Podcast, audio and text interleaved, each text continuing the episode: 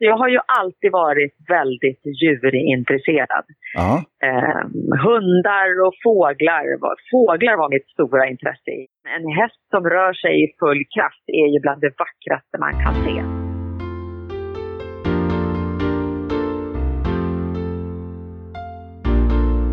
Hej allihop och välkomna till Utan skygglappar. Först vill jag rikta ett stort tack till alla er lyssnare för all den positiva respons vi får.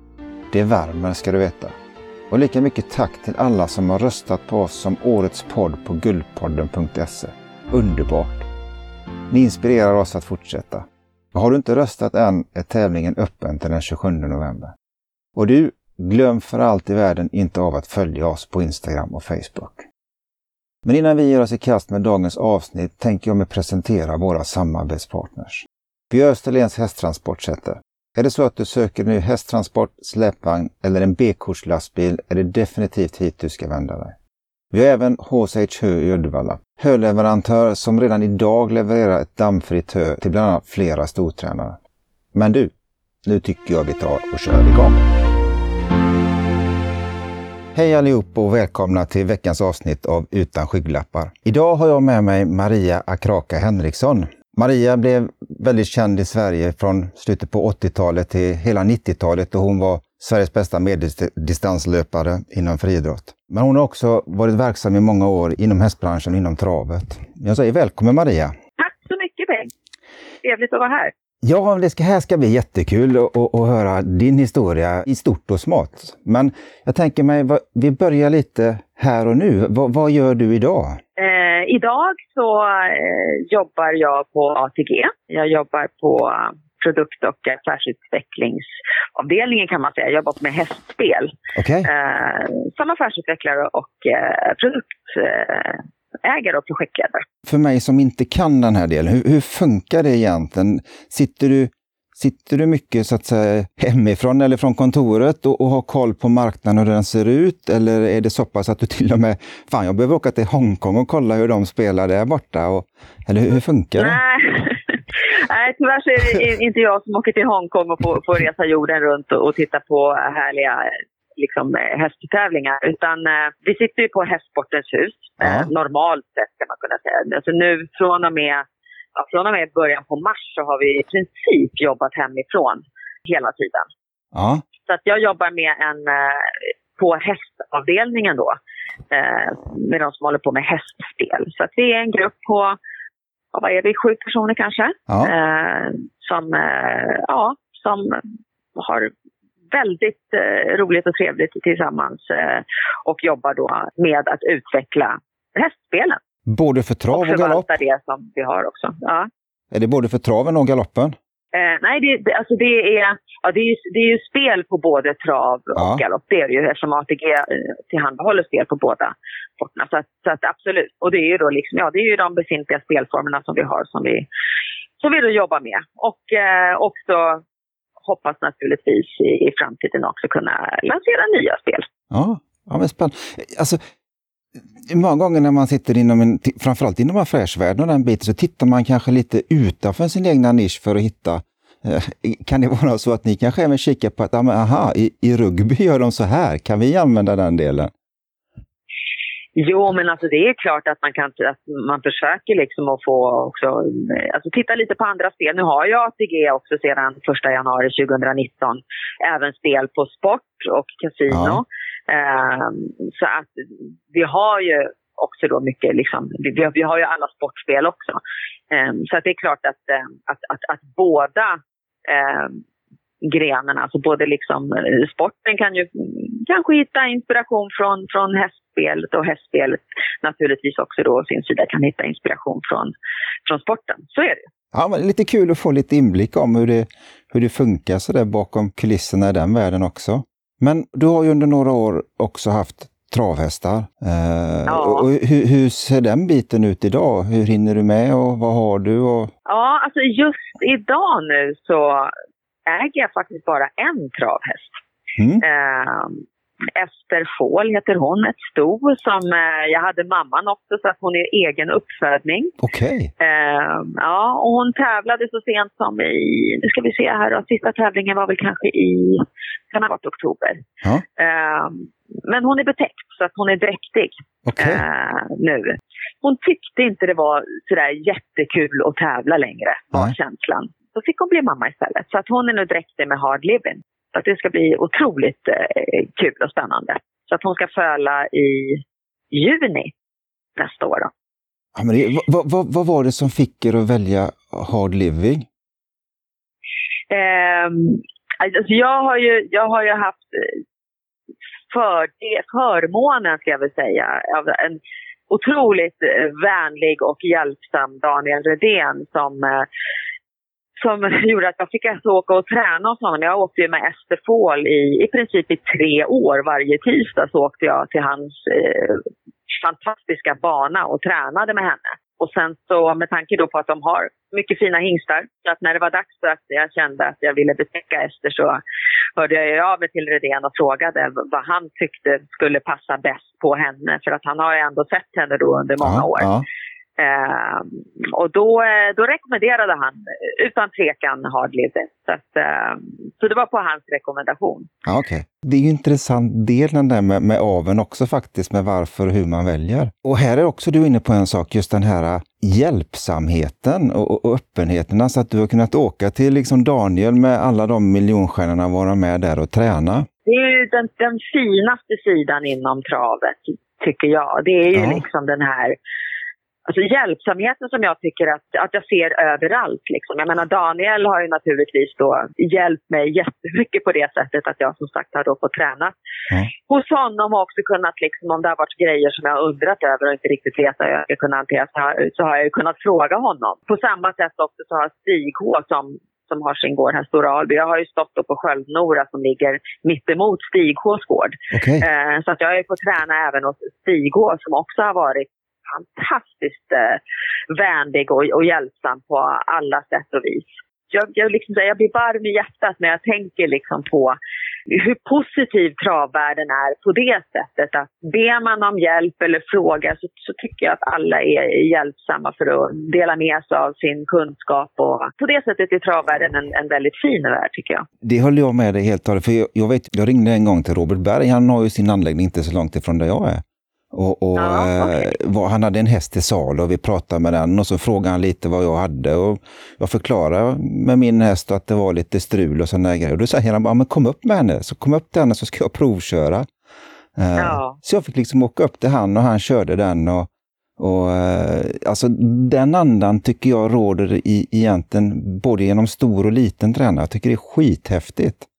Ja. Alltså hur man, jag som liten som har kommit in, jag menar jag har inte varit verksam i travet i mer än två år nu liksom. Man, alltså det, det är öppna armar och folk hjälper till och ställer man frågor i, i travgrupper så får man hur många råd som helst. Ja, Jag tycker det är skithäftigt. Du har konstaterat dräktighet. Konstaterad dräktighet ja. Så jag hoppas att det fortfarande är så. Det, det vet man väl aldrig. Man. Men det hoppas jag i alla fall. Är du en sån i det här läget så att du är lite drömmande om framtiden med, med föl och sådana där saker eller tar du det som det kommer när det kommer? Nej, det är väl klart att, jag, att, att, att eh, man har lite drömmar om, om det som komma ska. Det är Ja. ju självklart. Jag har faktiskt redan hittat andelsägare till fölet. Jo, så att det, det, det, det, det känns ju oerhört bra.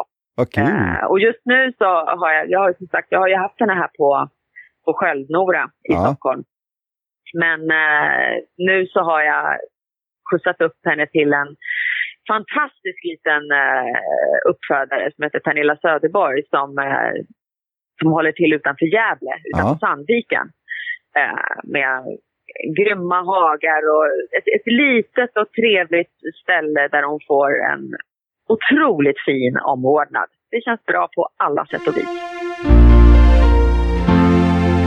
Nu har vi gått igenom lite här och nu. Om vi, om vi nu går tillbaka lite och tittar lite på, på din, din uppväxt. Du, du är född i London. Jag är Eh, född i London, ja. hur, hur gammal var du Eh. när du kom till Sverige? Eh, tre år. Så Ja, att eh, mamma är ju svenska. Okay. Uh, och min, ja, och uh, min pappa nigerian och de träffades i, uh, i England. Att, så jag och min tvillingbror och min andra syster är ju födda i England då. Så vi är tre som är födda i England och sen så flyttade vi hit till Sverige då när, när jag och min tvillingbror var tre. och då föddes ytterligare en syster. Ja. så vi, vi, vi är fyra stycken som är födda inom tre och ett halvt år. Wow! Ja, så att mamma hade mycket att göra där ett tag. Och sen dessutom så, så skilde hon sig och uh, vår pappa då flyttade tillbaka till Nigeria. Mamma var kvar här i Sverige. Och sen så fick jag ytterligare två syskon tio år senare. Eller som, ja, en är tio år yngre än mig och en är tolv år yngre än mig. Ja. Så vi är sex syskon faktiskt på mammas sida här. Så det är många. Ja, det är lite häftigt. När kom uh, idrotten in i ditt liv? Idrotten kom in, den kom in väldigt sent i mitt liv faktiskt. Uh, jag var ju intresserad. Ja, jag, alltså, jag har ju alltid varit väldigt djurintresserad. Uh, hundar och fåglar. Fåglar var mitt stora intresse i, i många år. Uh, och sen naturligtvis då hästar först gick jag på ridskola då någon gång där när man gick i, i, i tvåan när vi bodde i Rågsved så gick jag på Enskede ridskola. Ja. Uh, men sen blev det lite för dyrt för mamma att hålla på med så att uh, då fick vi sluta. Uh, och sen så flyttade vi ut till Väddö, till Älmstad och då hade jag en kompis där som hade en nordsvensk. Okay. Så då hängde jag ju väldigt mycket där. Och sen så fortsatte vi då under, under gymnasiet sen så hittade vi ett travstall nere på Arholma som heter Mulnäs gård. Så där jobbade jag en hel del. Okej. Då under gymnasietiden. Ja. Så det var ju där jag började med hästar. Och det var ju mitt stora intresse. Jag var totalt ointresserad av sport i övrigt. Utan det var bara hästar som gällde. Det var... Men, men, men hur, hur, hur ramlade du över på, på friidrotten? På friidrotten? Ja. Ja, alltså det var då. Jag började ju på gymnasiet och då flyttade jag in till Norrtälje. Så att då blev det ju inga hästar mer. Och sen, så att jag flyttade ju hemifrån då. Ja. Med, innan sista året på gymnasiet. Precis innan där så började min syster springa. Camilla då, som min, ja. min ett och ett halvt år yngre syster. Ja. Hon var utbytesstudent i USA och började springa där borta. Och skrev hem och berättade om hur häftigt det var och hur roligt det var och liksom sådär. Och då började jag och min andra syster, Therese, springa hemma här. Så på den vägen var det. Och då började vi springa, alltså så att jag var ju 18 när jag började. Nej. Jo, innan dess hade jag inte gjort någonting faktiskt gällande idrott. Oh, fan, alltså... Så jag började ju förhållandevis sent. Men började liksom som, som jag blir oftast väldigt så besatt om jag väl börjar ja. med någonting. Liksom. Så jag, jag började ju stenhårt på en gång och började träna fem dagar i veckan. Från dag ett i princip. Jag gick ju framåt ganska fort. Och sen så efter gymnasiet, och så att jag började sista året i gymnasiet började springa och sen efter gymnasiet så så tänkte jag att ja, men jag, nu vill jag satsa lite på, på löpningen här innan jag pluggar vidare och sådär. Så att jag, jag åker ner till min pappa i Nigeria. Uh, min pappa var då förbundskapten för det nigerianska friidrottslandslaget. Var, var, han, ehm, var han gammal löpare också? Så att han också... Ja, han var gammal löpare. Han var ju gammal löpare också. Så att han, okay. han var med i OS 1960 i Rom. Okej. Okay. Ja, men han var ju då, han var sprinter. Ja. han sprang ju 100 meter och 200 meter. Så att det var väl också, liksom, med det i baktanken så tänkte jag väl eh, att ja, men jag, jag borde väl ha ärvt någonting. Som, så att, tänkte, lite, lite, lite, lite hästavel-tänk där. Ja, eh, precis. Så, att, eh, så jag, ja, men jag tänkte att jag, jag, borde, jag borde kunna bli hyfsad i alla fall. Men så att jag åkte ner då till Nigeria efter trean på gymnasiet och tränade med deras juniorlandslag där då och var ju tyvärr hopplöst osnabb om jag jämförde då med, med dem. Jag tränade hårt, men de tyckte då där nere efter ett tag att men du, alltså de insåg väl ganska tidigt att men den där kommer ju inte bli någon sprinterstjärna liksom, utan vi måste väl försöka styra in henne på lite längre distanser. Så att de, de, de tjatade ju om att kan du inte prova 800? Ja. Um, och det ville jag ju absolut inte göra. Jag tyckte liksom så här, det, usch, tråkigt. Det var ju mer Alltså jag, jag ville ju inte alls ha någon, få någon sån här långdistansstämpel på mig för jag tyckte det var mycket häftigare att springa kort. Ja. Eh, men jag provade i alla fall då till slut 800 meter. Eh, på, de hade ett, läger där nere. Jag, jag, var, jag var i Nigeria då i åtta månader så att jag var ju där ganska länge. Ja. Eh, och hade aldrig varit där tidigare och inte, har aldrig varit där senare heller i och för sig efteråt. Men i alla fall, så att jag provade det då på en, på en sån här junior eh, träff som de hade. De hade ett läger där. Eh, och då slog jag deras bästa junior i första försöket. eh, så att, och det, det gick ju inte så himla snabbt för att de är inte speciellt... Alltså, nigerianer är ju väldigt duktiga på, eh, på sprintdistanserna eh, och på hopp, men de är ju inte speciellt bra på, på medel och långdistans. Så att det var väl ingen högre nivå och egentligen så var det väl kanske ingen större bedrift att, att slå deras bästa 800 meters löpare. Men, men för mig så var det ju naturligtvis jättestort. Ja, men det måste jag tänka. Jag, ja, och så sprang jag ett par tävlingar till där nere. Så att jag, jag började med att springa 2.17 första tävlingen och sen så sprang jag 2.13 och sen sprang jag 2.09 i tredje. Så att jag gick ju framåt ganska fort. Ja. Uh, och sen uh, efter det så, innan jag åkte därifrån så var det en hel del av dem som skulle ansöka om att få gå på universitet i USA. Och då hade de lite såna ansökningsblanketter så att jag, de gav mig en och sa att men, här, du kan ju söka, du kanske kan få ett stipendium liksom till USA. Så att jag fyllde i det där och jag skickade iväg det och tänkte inte mer på det. Um, och sen så åkte jag hem till Sverige då efter de här åtta månaderna som jag då hade bestämt mig för att jag skulle vara där nere. Ja. Uh, och så kom jag hem och så sprang jag en tävling uh, här i Sverige och mot då ja, Sveriges nya framtidshopp Malin Eberlöv. Ja. Um, och då slog jag henne där i den där första tävlingen. Nej. Jo. Så att, uh, och på den vägen var det. Och då var det ju, helt plötsligt så var det ju ganska roligt att springa. Um, och springa 800 då liksom. Kom, kommer, att, du ihåg, uh, kommer du ihåg reaktionerna som blev då och kommer du ihåg dina egna tankar i det läget? Ja, alltså mina egna tankar var väl, alltså när jag började med friidrotten då så hade jag ju som ambition att men någon gång ska jag springa på Stockholms stadion. Ja. Det var liksom min målsättning. Uh, men, de, men den lyckades jag ju med redan liksom sommaren, liksom, efter det första året som jag hade tränat. Så att det, uh, då fick jag ju ändra ja. målsättning och då blev ju målsättningen att, uh, ja, men att kunna liksom så här få ja, men vara med och springa bland de bästa i Sverige. Ja. Så, att, så att när, när jag väl slog Malin där, jag visste ju knappt vem Malin var då faktiskt. För att jag hade ju varit i Nigeria, så att jag hade ju liksom, jag hade ju ingen koll på vilka som var bra i Sverige. Nej.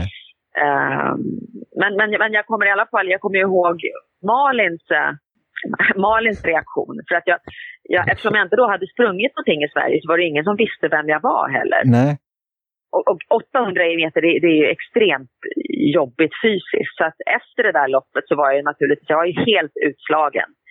Och jag kommer ihåg att jag låg, jag la mig på asfalten utanför den där banan liksom och, och var väl halvt borta liksom. Och Malin kom fram och gratulerade men jag var, jag var ju så jäkla trött liksom så att jag kunde ju knappt svara. Jag nickade väl bara lite liksom och hon har berättat i efterhand att hon, hon, sen gick hon till sin pappa och så sa hon att du, att den där tjejen hon, jag tror inte hon kan svenska. så att, eh, så det, det, var Malins första, så här, första bild av mig. Liksom. Jag, jag slog henne men jag kunde ju inte svenska. Jag tycker det här är skithäftigt just för att du har liksom levt ett helt annat liv eh, fram tills du blev då gymnasiet, tonåren och sen så började du springa. Du har liksom ingen koll på alls vad som händer i, i friidrottsvärlden och vem som är bra och dålig och så vidare. Och sen Nej, kommer du bara hem och så Ja, det, det... ja, det var väldigt, väldigt viktigt. Det var en, en annan rolig grej var ju också liksom att uh, jag hade ju en tränare innan jag åkte ner till, uh, till Nigeria? Nigeria, ja. ja. Så hade jag en svensk tränare. Jag, jag, hade ju, jag, jag hade ju en klubb. Jag hade varit med i Rånes 4H. Och, den här tränaren som jag hade, liksom, han var jättesnäll och, och, och, och mån om sina aktiva. Så, där, liksom. så när jag kom tillbaka från Nigeria så sa ju jag till honom liksom att jag har provat 800 nere i Nigeria och det gick, ja, men det gick ganska bra. Liksom, så här. Jag, sprang, jag sprang på 2.09 och du vet, och han tittade på mig liksom och, och, och, och, så sa han så här att du vet, han, han liksom blev inte det minsta imponerad eller någonting sånt där. Utan, utan han tittade bara på mig och så sa han att liksom, ja, men du, äh, jag vill bara att du, du, du, ska tänka på det nu också, så här, att, att klockorna där nere, liksom, de, de, de, de kanske inte är lika, ja, de, de, de, kanske inte är lika bra liksom, där nere. Vet, han ville ju på något sätt, han ville ju mildra liksom. Han, han, han trodde ju inte på mig, han trodde ju inte att jag hade sprungit liksom, på 2.09 där nere. Uh, så att han ville ju bara inte att jag skulle bli besviken när jag då gick ut och sprang här. uh, så det var också en sån här liten rolig anekdot liksom, från från det första året där när jag kom hem sen. Uh, ja. ja. ja. Jag tappar nästan andan. Det här är ju skithäftigt ju. Ja, det var, det var, det var tider. Uh, ja, nej, men och sen, så, så, så, började det då. Sen så fick jag ju då sen när jag uh, jag kom ju som sagt jag kom tillbaka från Nigeria på våren och så var jag här och så tävlade jag ju då på sommaren ja. och så sänkte jag perset på 800 ytterligare lite till 207. Och sen på hösten så kontaktade ett, eh, det här universitetet då i USA som jag hade sökt till, så ja. kontaktade mig så att, eh, och sa att jag var välkommen dit. Och det där hade jag ju nästan glömt bort, liksom, att jag hade sökt dit. Jag tänkte att jag kan ju inte komma dit liksom, om jag har sprungit på 2.09, vilket jag hade gjort då liksom, när jag skickade in ansökan. Ehm, men eh, ja, så att, men jag, jag fick erbjudandet om fullt scholarship, alltså fullt stipendium. Så att, då åkte jag dit eh, ett halvår senare. Då. Eh, och då är vi framme 1987, så det var i januari 87 som jag då åkte till USA. Och kom då dit med ett pers på 2.07 eh, på 800. Och sen så gick ju hela, hela våren och jag förbättrade mig stadigt. När jag åkte tillbaka till Sverige så hade jag ju sprungit på 2.03 helt plötsligt och då blev jag ju aktuell för landslaget. Så att jag kom ju med i landslaget då direkt där när jag kom hem och var med på någon landskamp. Och eh, sen kvalade jag då in till VM. VM i Rom då som var då 87 på sommaren där. Så, så efter det, sen så var det ju igång. Och sen så slog jag då också eh, Sveriges bästa då 800-meterslöpare på den tiden som då var det Jill McCabe hette hon som också då hade det svenska rekordet. Jag slog henne på SM, vann mitt första SM. Och, eh, därifrån så, ja då var man ju med liksom. Så, så i grunden... man kan säga från, från, från, från 87 liksom och, och framåt och så var jag ju med i landslaget. Om man tar en kort summering av den här så, så började du nästan med friidrott och träna och, och framförallt då sprinter i början 85. Ja. Och så, och så åkte du till Nigeria 86 och var där åtta månader, ja. typiskt. Ja, jag, bör, jag började springa alltså, hösten 84 efter att jag hade sett OS. Det var ju liksom då som jag ah. på allvar började springa. Och sen som sagt så ja, åkte till USA januari 87 och sen så var med i landslaget på sommaren där sen. Och vann SM-guld 87? Ja. Ja, häftigt. Så, så var det. Ja. Så sen så höll jag, ja, sen så sprang jag ju då i ett antal år. Eh, och under hela den här tiden, då höll jag inte på med hästar överhuvudtaget. Det fanns Utan, inte tid till det då eller? Nej, det fanns inte tid och även om jag tyckte att jag, alltså jag tyckte att det skulle, ja men det hade väl varit kul att liksom få rida lite någon gång och sådär liksom. Men, men, men det blir ju, alltså, det är en ganska stor skaderisk. Ja, ja. Så att det, det liksom, det, jag kände att nej, men jag kan inte ta den risken att bli skadad bara för att jag vill rida. Liksom. Så att, eh, då blev det att jag liksom inte höll på med hästar överhuvudtaget. Men däremot så, så, så, så lovade jag mig själv att den dagen jag slutar med friidrott, då ska jag köpa en häst. Och så slutade jag ju då. Jag slutade år 2000. På hösten då där, år 2000, så var det, jag var med i Fångarna på fortet. För, för, att, för att ta uh, lite, om man tar summeringen, alltså under den här karriären som du, har du, har du koll på hur många SM-guld du vann? Ja, jag, eller framförallt är det ju andra som har koll på det åt mig. Men, men eh, 21 SM-guld vet jag att jag har det är inte bara på 800 utan det är på både 800, 1500 och 3000 och sen så har jag också terräng, ett terräng-SM-guld också. Ja. Din karriär måste ju vara otroligt unik inom egentligen nästan vilken idrott som helst. Eh, men, men, men hur var du under, under karriären? Kunde du stanna upp och njuta av de här gulden? Man gör ju inte det liksom riktigt. Alltså man, man ska ju alltid vidare. Det är klart att jag tyckte, alltså det, det första SM-guldet var väl kanske det som, som jag tyckte var, alltså det var väl det roligaste. Ja, det måste ju varit ganska Sen, extremt så fort efter. Ja, jo men det, det var det väl med tanke på liksom att jag inte hade sprungit så länge då. Liksom. Eh, så det var det väl. Men sen efter det så blir det ju mer en, det blir ju mer en förväntan. Det är ju mer bara någonting som man ska bocka av, att man ska vinna eh, liksom SM, att man ska vinna SM. Så Ja. att det var, eh, och det var ju, i många år så var det ju jag och Malin Evelöv. Vi slogs ju om de där SM-gulden på 800 och 1500. Ibland vann ju Malin dem också, tyvärr. Men ni kunde att, prata eh, svenska med varandra sen då? Men vi kunde prata svenska med varandra. Så, att, eh, så det var ju bra. Nej, så att Malin, Malin och jag, vi känner ju varandra väldigt väl. Ja. Vi har ju tränat mycket tillsammans och tävlat mot varandra. Att, eh, hårda motståndare, men vi är ju också, eh, vi är också vänner idag. Men i alla fall, om jag skulle komma in på det här med hästarna Ja, då, då. precis. Så, eh, ja, så, så som sagt, jag hade bestämt mig för att jag skulle köpa en häst eh, när jag slutade. Och eh, när jag var med då i, eh, eh, i, i Fångarna på fortet Mm. så vann vi ju faktiskt den. Det var ju då, det var, jag var ju i ett lag där med, med Billan och Börje Salming, eh, Stig Strand och Pelle Carlén. Så då bestämde jag och Billan sa då eh, på vägen tillbaka, vi hade ju vunnit lite pengar där, så då sa vi det att men nu ska vi köpa, nu ska vi köpa häst. Så hon köpte faktiskt ett kallblod. Och jag köpte då mig in i eh, eh, min första travhäst som hette Coat and Tie. Okej. Eh, som jag köpte då tillsammans med, eh, ja, med Jim Oskarsson Ja. eh, som då var tränare. Så han köpte en tredjedel, jag köpte en tredjedel och sen en av mina eh, gamla löparkollegor, Lin, Linda Olsson hette hon då, hennes mamma köpte den andra tredjedelen. Okej. Så att, eh, och det var då år 2000. Ja. Så då började jag lite mer med, med hästarna som hästägare först. Ja. Men då, och då var du inte inne någonting, eller var du inne och också var med och körde och sånt? Eller, alltså träningen Ja, jag hade, ja jag, hade, jag hade ju börjat då eh, lite grann och eh, för grejen var att en, av mina, och också en av mina löparkollegor, Katarina Sundelin hette hon, Mm. hon blev nämligen tillsammans med Jocke Oskarsson som är Jim Oskarssons kusin. Okej.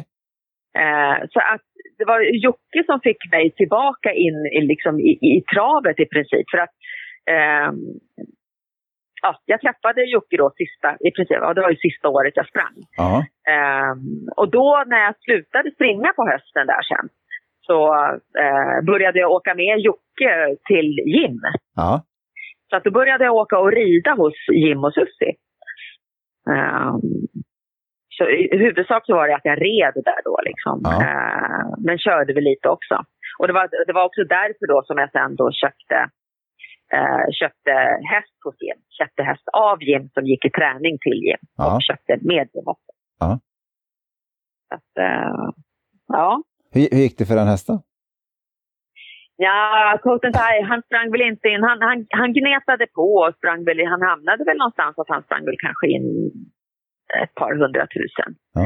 Lite drygt till slut. Men, men, men han blev ju inte lika bra som sin, eh, som brorsan han sen, som var Dig for Dollar. Så vi, vi köpte väl en häst för tidigt från det stoet. För Dig for Dollar sprang in väldigt mycket mer sen. Ja. Mm. Men det finns en viss aning också om att du vill vidare med, med det här med hästägandet och tränandet än bara att vara delägare hos Jim, eller hur? Ja, absolut. Så, att, ehm, så först så, Jim tränade ju som sagt då Coat and Tie, den första hästen där. Ja. Eh, men sen så tyckte han att ja, men det, det, det, det händer inte så mycket här och pratade om att han tyckte att han skulle flytta den och sådär liksom. Och, och då köpte vi ut honom, Ja. eh, jag och eh, Ulla då, som hon Mm. hette. Och så bestämde vi för att ja, men vi tränar honom själva istället. Okej. Så, att, eh, så då gick jag ju B-tränar, amatörtränarkursen, tog B-tränarlicens. Ja, ja. Ehm, och så hade vi honom ute på Munsö då, ute på Ekerö. Och eh, tränade honom där. Så det, det var ju liksom första hästen som vi då åkte runt med och tävlade lite med. Och det gick väl inte sådär eh, jättelysande. Men han sprang i alla fall in lite pengar liksom. Och det, det var kul och man lärde sig en hel del. Och, ehm, sen så i samma veva där också, jag fick ju mitt, eh, jag hade ju mitt andra barn, så jag hade ju småbarn. Ja, Okej. Eh, Så det blev ju väldigt tidskrävande, så blev, det blev ju lite jobbigt. Jag jobbade och hade småbarn och hade häst på Ekerö. Ehm, så att eh, till slut så blev det så att Ulla, då den tredje delägaren, hon tog över honom helt. Så att hon blev ensam ägare på honom och jag låg lågt ett par år där eh, innan jag hoppade på eh, nästa häst. Ja, och... Eh, som då var High Speed Call tillsammans med eh, Niklas Pettersson och eh, en kille som heter Linus Gunnarsson. Hur, hur kom och det sig att du hoppade på honom? Eh, ja, anledningen var, vi hade varit på, jag hade varit på Hästgalan ja. eh, i Göteborg då och satt på tåget eh, tillsammans och satt och pratade då med Linus Gunnarsson som då precis hade tagit över ägandet av eh, Dagens Spel. Ja. Eh, som, bolag som gör tips, alltså olika mm. tips, tips till trav och till sport. Eh, och satt och pratade med honom och då kom Niklas in på, i, i vår vagn där vi satt och pratade och, och frågade om eh, vill ni vara med och köpa travhäst? Uh, och jag hade ju liksom så börjat fundera igen på, uh, för nu var barnen var lite större och jag kände ja. liksom så här, men det här, nu, nu, nu vill jag verkligen köpa häst. Men jag höll på att leta då vem jag skulle kunna köpa häst tillsammans med. För att jag, liksom, jag visste att jag, jag kan inte ta hand om det själv, liksom, för det har jag inte riktigt tid med just nu. Utan jag vill gärna dela med någon annan. Så när Niklas kom där, för då hade han hittat någon annons på någon uh, From Above-avkomma. Eftersom han då var, han var ju skötare till From Above. Ah. Eh, när han stod på Menhammar. Mm. Så, så eh, var det han, han ville absolut ha From Above och, eh, ja, men och då nappade vi på det helt enkelt. Uh, ringde upp honom ett par dagar senare och sa, hur blir det med den här? Ska vi, ska vi gå ihop då och köpa den här hästen? Ja. Och då så skulle vi åka upp, så att han stod ju uppe i Luleå, den här lilla hästen då från From Above. Så att vi åkte upp dit. Vi tog ett flyg, jag och Linus och Niklas och åkte upp då till Luleå och tittade på den här fina fölungen och sa att men den köper vi. och så var den resan så. igång. Hur, men ja. hur, gammal var hästen när ni köpte den? Sex månader. Alltså han var inte äldre? Nej. Okay. Så han var sex månader och så fick han vara kvar där uppe då till, till våren och så kom han, kom han ner då i uh, april som ettåring. Då, då. Mm. Och då hade vi honom på, ja, på Kungsgården som ligger här borta på Sköldnora. Ja. Så då började den andra, den andra lite mer större repan med, med mitt Hästliv. hästengagemang. Ja, men ja. Var du även med och, och, och, körde in och sånt eller lämnade du bort det? Eller, eller nej, gjorde... nej, utan det var ju, alltså jag, jag och eh, framförallt Niklas var ju då, han blev ju då tränaren, den ja. ansvarige tränaren liksom. Men men jag var ju där hela tiden och eh, hjälpte till. Så jag varit med från allra första början med Hajen. Och Hajen, vi kallar honom då Hajen. Ja. Och det är så otroligt roligt just med Hajen för att han är alltså nu 12 år. Ja. Och springer fortfarande. Det är häftigt. Och tävlar. Och går fantastiskt bra. Han var fyra, eller han var tvåa häromdagen. På 12 och 4. Ja. Så att, och det är ju så som jag tycker att travet ska vara. Det ska vara liksom, man ska ta hand om hästarna så väl så att de tycker att det är roligt och de kan fortfarande prestera när de är 12, 13, 14 år. Ja. Uh, det är ju travet när det är som, som allra bäst. När vi får fram hållbara hästar liksom som, uh, som trivs med det de gör. Ja. Det är det vi ska arbeta för inom travet tycker jag. Ja, och som, och som får lov att göra det så länge som de trivs med dem, det de gör. Alltså att, att, ja. att man lyssnar på att de säger att nej, men nu, nu vill inte jag det här längre. Nej, men fine, då, då behöver du inte heller. Nej. 12 år, Marianne, det är rätt häftigt. Ja, det är faktiskt det är otroligt kul. Ja. Ja, Niklas gör ett bra jobb där med att hålla honom fräsch och pigg och glad. Ja. Men blir det, blir det mer hästar efter det? Ja, Sen så, har det, sen så blev det, och då, då var det igång. Så att jag, sen, sen dess har jag haft lite, lite, lite mer hästar. Eh, Romero Bob köpte jag själv då tillsammans med, med Linus som jag också då ägde, eh, som vi ägde hajen med. Ja. Eh, och sen blev det ytterligare, och Romero Bob han gick ju mest som montéhäst. Sen så blev det, sen så blev det ytterligare, jag köpte ett stort till som heter Asa Star Commander. Som jag köpte från Per Lennartsson. Och ja. henne fick vi aldrig ordning på, så att vi, kom ens, vi kom inte ens till start med henne. Okay. Eh, utan vi, vi höll på och, och plöjde ner alla, väldigt mycket pengar på olika såna här rehab, eh, liksom, och eh, skickade henne på spa och på vattenträning och letade gjorde alltså, hälsoundersökningar till max. Men eh, vi lyckades inte få henne bra igen. Nej. Så då betäckte jag henne med Andover, Andover. Och då fick jag Ester, som jag alltså nu har idag. Okej. Och så är det. Ja, vad häftigt. Om man tittar nu lite, lite framåt, du, du har ett föl på väg och förhoppningsvis kommer det gå bra. Eh, ja, det hoppas jag verkligen. Ja, men det, det gör vi ju. Eh, ja, och... ja, man vet Det är mycket som kan hända. Jag hade ju, jag hade ju som sagt oturen att Esters mamma då, Asa Star Commander, hon, ja. eh, hon fick ju akut kolik tio dagar efter att Ester hade fött. Så att hon ja. dog ju. Aj. Eh, ja, så att eh, Ester fick en amma. Vi hade tur att få en amma. Eh, så att det gick ju bra ändå, men det var ju naturligtvis väldigt oerhört tråkigt. Tragiskt. Ja, det är klart. Alltså precis har landat ner i den här positiva delen och fått ett föl och sen så pang så rycks mamman bort. Och, ja, det... Så det är klart att liksom det, det, är, jag är ju väldigt medveten om det, att det kan naturligtvis, det finns mycket, mycket som kan gå fel också. Ja. I de allra flesta fallen så går det ju bra, men, men det kan ju gå fel. Så att, um, jag hoppas att det går bra den här gången. Och det måste man utgå ifrån i det läget. Men, men som sagt, det är, ja. det är ändå bra att ha med sig att det finns risker med det hela. Ja. Men, men finns det tankar på att kanske köpa in någon lite äldre, alltså någon typ två eller starthäst eller något sånt där?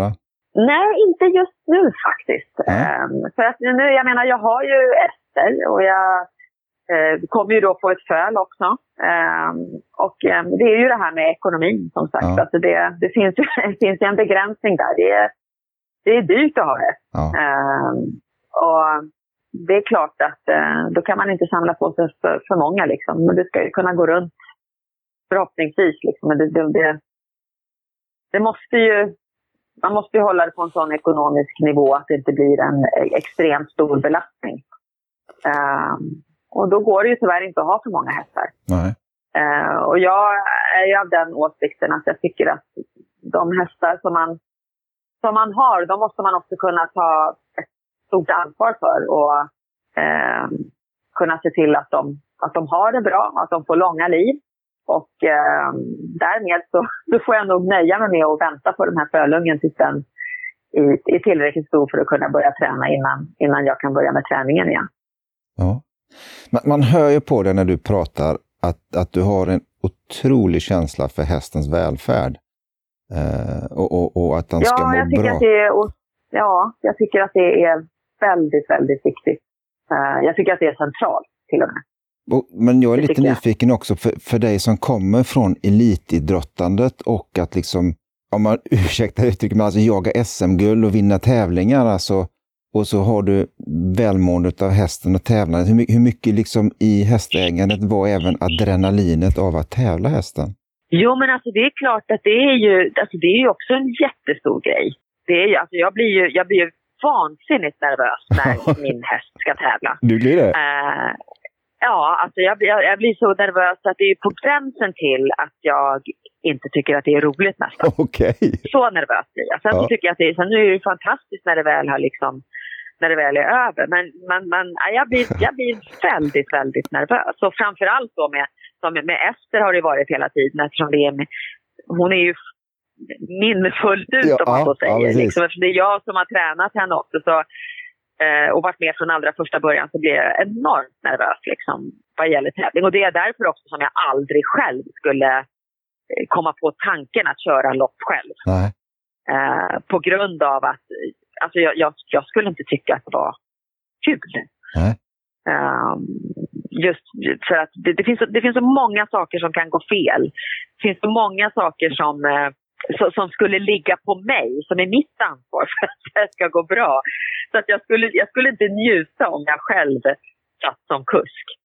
Um, utan det är alldeles lagom för mig att uh, stå för träningen och, i, och, och som ja, att, att värma hästen på tävling, det där går min gräns till vad jag tycker är, är kul.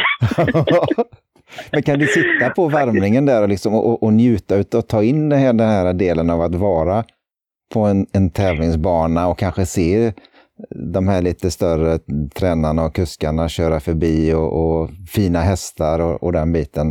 Eller är det så? Jo, du... nej, men alltså, absolut. Alltså, jag tycker att det är, alltså, jag, jag, eftersom jag älskar hästen som djur. Jag älskar, jag tycker de, de är, hästar är så, de är så vackra och de är så kraftfulla liksom. Och de har en sån, ja, de har en sån utstrålning och det är det jag älskar med hästarna. Ja. Jag älskar ju hästen som djur. Jag tycker att de är häftiga och får vara nära. Jag, det är ju det som triggar mig. Uh, jag älskar att se dem röra sig. Alltså en, en häst som rör sig i full kraft är ju bland det vackraste man kan se. Uh, det är ju det jag gillar. Det är ju det jag lever för. Att, att, liksom att, att, att tävla själv, det är, inte liksom, det är inte riktigt det som är Det är inte därför jag håller på. Utan jag håller ju på för att jag, tycker, för att jag älskar att hålla på med hästar. Mm. Eh, sen så är ju det, sen så är det ju jättekul att man också inom travet faktiskt att det, just att det finns den här möjligheten att du faktiskt kan få det att gå runt ekonomiskt. Möjligheten finns ju. Ja. Möjligheten finns ju att du kan få en riktigt bra häst. Och det är ju ashäftigt. Ja. Att, det liksom, att, det, att det har den dimensionen också. Och det är ju därför jag gillar travsporten. För att det finns en att det finns mål och mening med det du gör. Ja. Eh, du, har, du kan sätta ett definitivt mål och så arbetar du mot det. Det är ju, det, det är ju skitkul. Och det är ju det, det, som är likheten med, med friidrotten. Och det är väl därför jag har fastnat liksom i, i travet snarare än i någon annan ridsport. Men, men egentligen så hade det kunnat, det hade kunnat vara i, i princip. Jag, alltså jag, hade, jag hade lika gärna kunnat ramla in på galopp eller på hoppning eh, eftersom det är hästen som är det centrala för min del. Ja. Alltså som, jag tycker ju det är fantastiskt just den här delen att, att, att jag och, och en del, jag intervjuade eh, Conny Cederberg för en tid sedan som, som 75 plus och har börjat med travet nu och tagit B-tränarlicens. Eh, eh och jag liksom som är 50 plus och trillat in. Alltså ty det tycker jag är den fantastiska delen att man det spelar egentligen ingen roll vilken historik du har och vad du har varit med om och vad du har gjort och, och vem du är och ålder och den, den delen. Du kan komma in, du kan köpa en häst, du kan få vara med om den här delen och, och träna dem och, och, och, få fram dem och se liksom hur de funkar och sen också få se dem i tävling. Ja. Jag, jag, liksom, jag fullkomligt älskar den delen att det är så, det är så öppet för, för allt och alla egentligen. Eh, det finns liksom ja. ingen begränsning någonstans. Och då kommer vi tillbaka till lite grann till det som vi pratade om i början. Just det här liksom med, alltså det, det, det fina med travsporten, att det, liksom, att det, att det är öppet för alla. Och ja. på det sättet så är det, tycker jag också att det är väldigt lik idrotten. Alltså att friidrotten är ju också en sån eh, Alltså det, det, det liksom, idrotten i stort. Alltså det, det för, förbrödrar och försystrar och liksom, alltså det, ja. det, liksom, det är gränser och liksom allt i fråga om etnicitet och liksom eh, allt sånt blir under, liksom, underordnat liksom, sporten. Och liksom, det, det, det, det, det kapar, det spränger ju gränser. Ja. Och det gör ju liksom, det gör ju travsporten också. Mm. Eh, du, du, träffar ju liksom en sån bredd av olika typer av människor. Både inom friidrott men också inom travsporten. Mm. Eh, du, kan, du, kan, alltså du, du, du, du träffar på en travbana så eh, ser du ju miljardärer gå runt. Precis ja. som de som, de, som den lilla tränaren och alla liksom verkar på samma arena. Ja. Eh, det är ju det som är så, liksom, det är det som är så underbart liksom, med travet. Ja, och... Eller en av de underbara sakerna i alla fall. Ja, precis. Och att, och att liksom, det, det syns inte vem som är den där miljardären egentligen. Utan, och, och, och, det, man kan ställa sig och prata med, med vem som helst, det spelar liksom ingen roll. Eh, mm. Alla, alla liksom är, är man, mm. man, är där på, på lika villkor. På ett, ja, på ett och det är så, så, så har det varit, så är det fortfarande inom travet och jag tycker att det är också någonting som man faktiskt måste arbeta med inom travet för att det ska fortgå att vara så. Att det fortfarande ska kunna vara en sport som där vi har den lilla amatören eh, som, som kan tävla mot, en, mot stortränaren. Mm. Det är ju verkligen viktigt att vi har den bredden och den är också viktig för att vi ska ha liksom ett, för att vi ska liksom få ett brett intresse i samhället för travet tror jag. Så tror jag att det är liksom viktigt att, att vi verkligen försöker behålla den här bredden. Ja. Um, och där har vi ju um, lite att göra inom travsporten tror jag. För jag tror att vi måste lägga lägga lite kraft på det för att vi ska, för att vi ska kunna bibehålla det som är så bra än så länge. Jo, och det, där håller jag med dig helt och fullt ut. Och det, det är ju mycket därför som, som jag sitter här och intervjuar dig, just för att jag vill ha ut bredden. Eh, för att den är så fantastisk och den är, en, en, den är grunden till allting annat inom travet. Eh, mm. Så att det, det är... Eh, jag håller med dig helt och hållet. Och där, där behöver vi liksom verkligen samla hitta möjligheter så att vi kan fortsätta att ha den här eh, verksamheten som, som vi har haft i alla år egentligen. Eh, mm. det, det, det, det, är en jätteviktig punkt och, och, mycket av det tror jag grundar sig just den här biten i också att även om, även om hästen inte vinner eller tjänar några pengar så måste man ändå känna att man går därifrån och har haft en jävligt trevlig stund i alla fall. Eh, ja. Jag har haft bra, träffat trevligt folk, jag har haft kul, jag har fått peppning, jag har fått stöd och kanske tips och råd eh, inför nästa lopp som jag kan ta med mig. Eh, det, ja. Där är ju mycket vunnet för, för en person som, som mig personligen i det läget, när jag går in där. Ja. Så att, eh, nej. Ja. Du, jag tycker det här har varit fantastiskt trevligt Maria. Eh, det har varit otroligt kul att få höra din historia och eh, få ta del av hur, hur, du kom in inom friidrotten och även inom hästvärlden och, och tankar och det. Så att, så att eh, jag kan bara säga ett jättestort tack. Ja, tack, tack. Det var en trevlig pratstund. Tack för att jag fick vara med. Då önskar vi dig all lycka till i framtiden.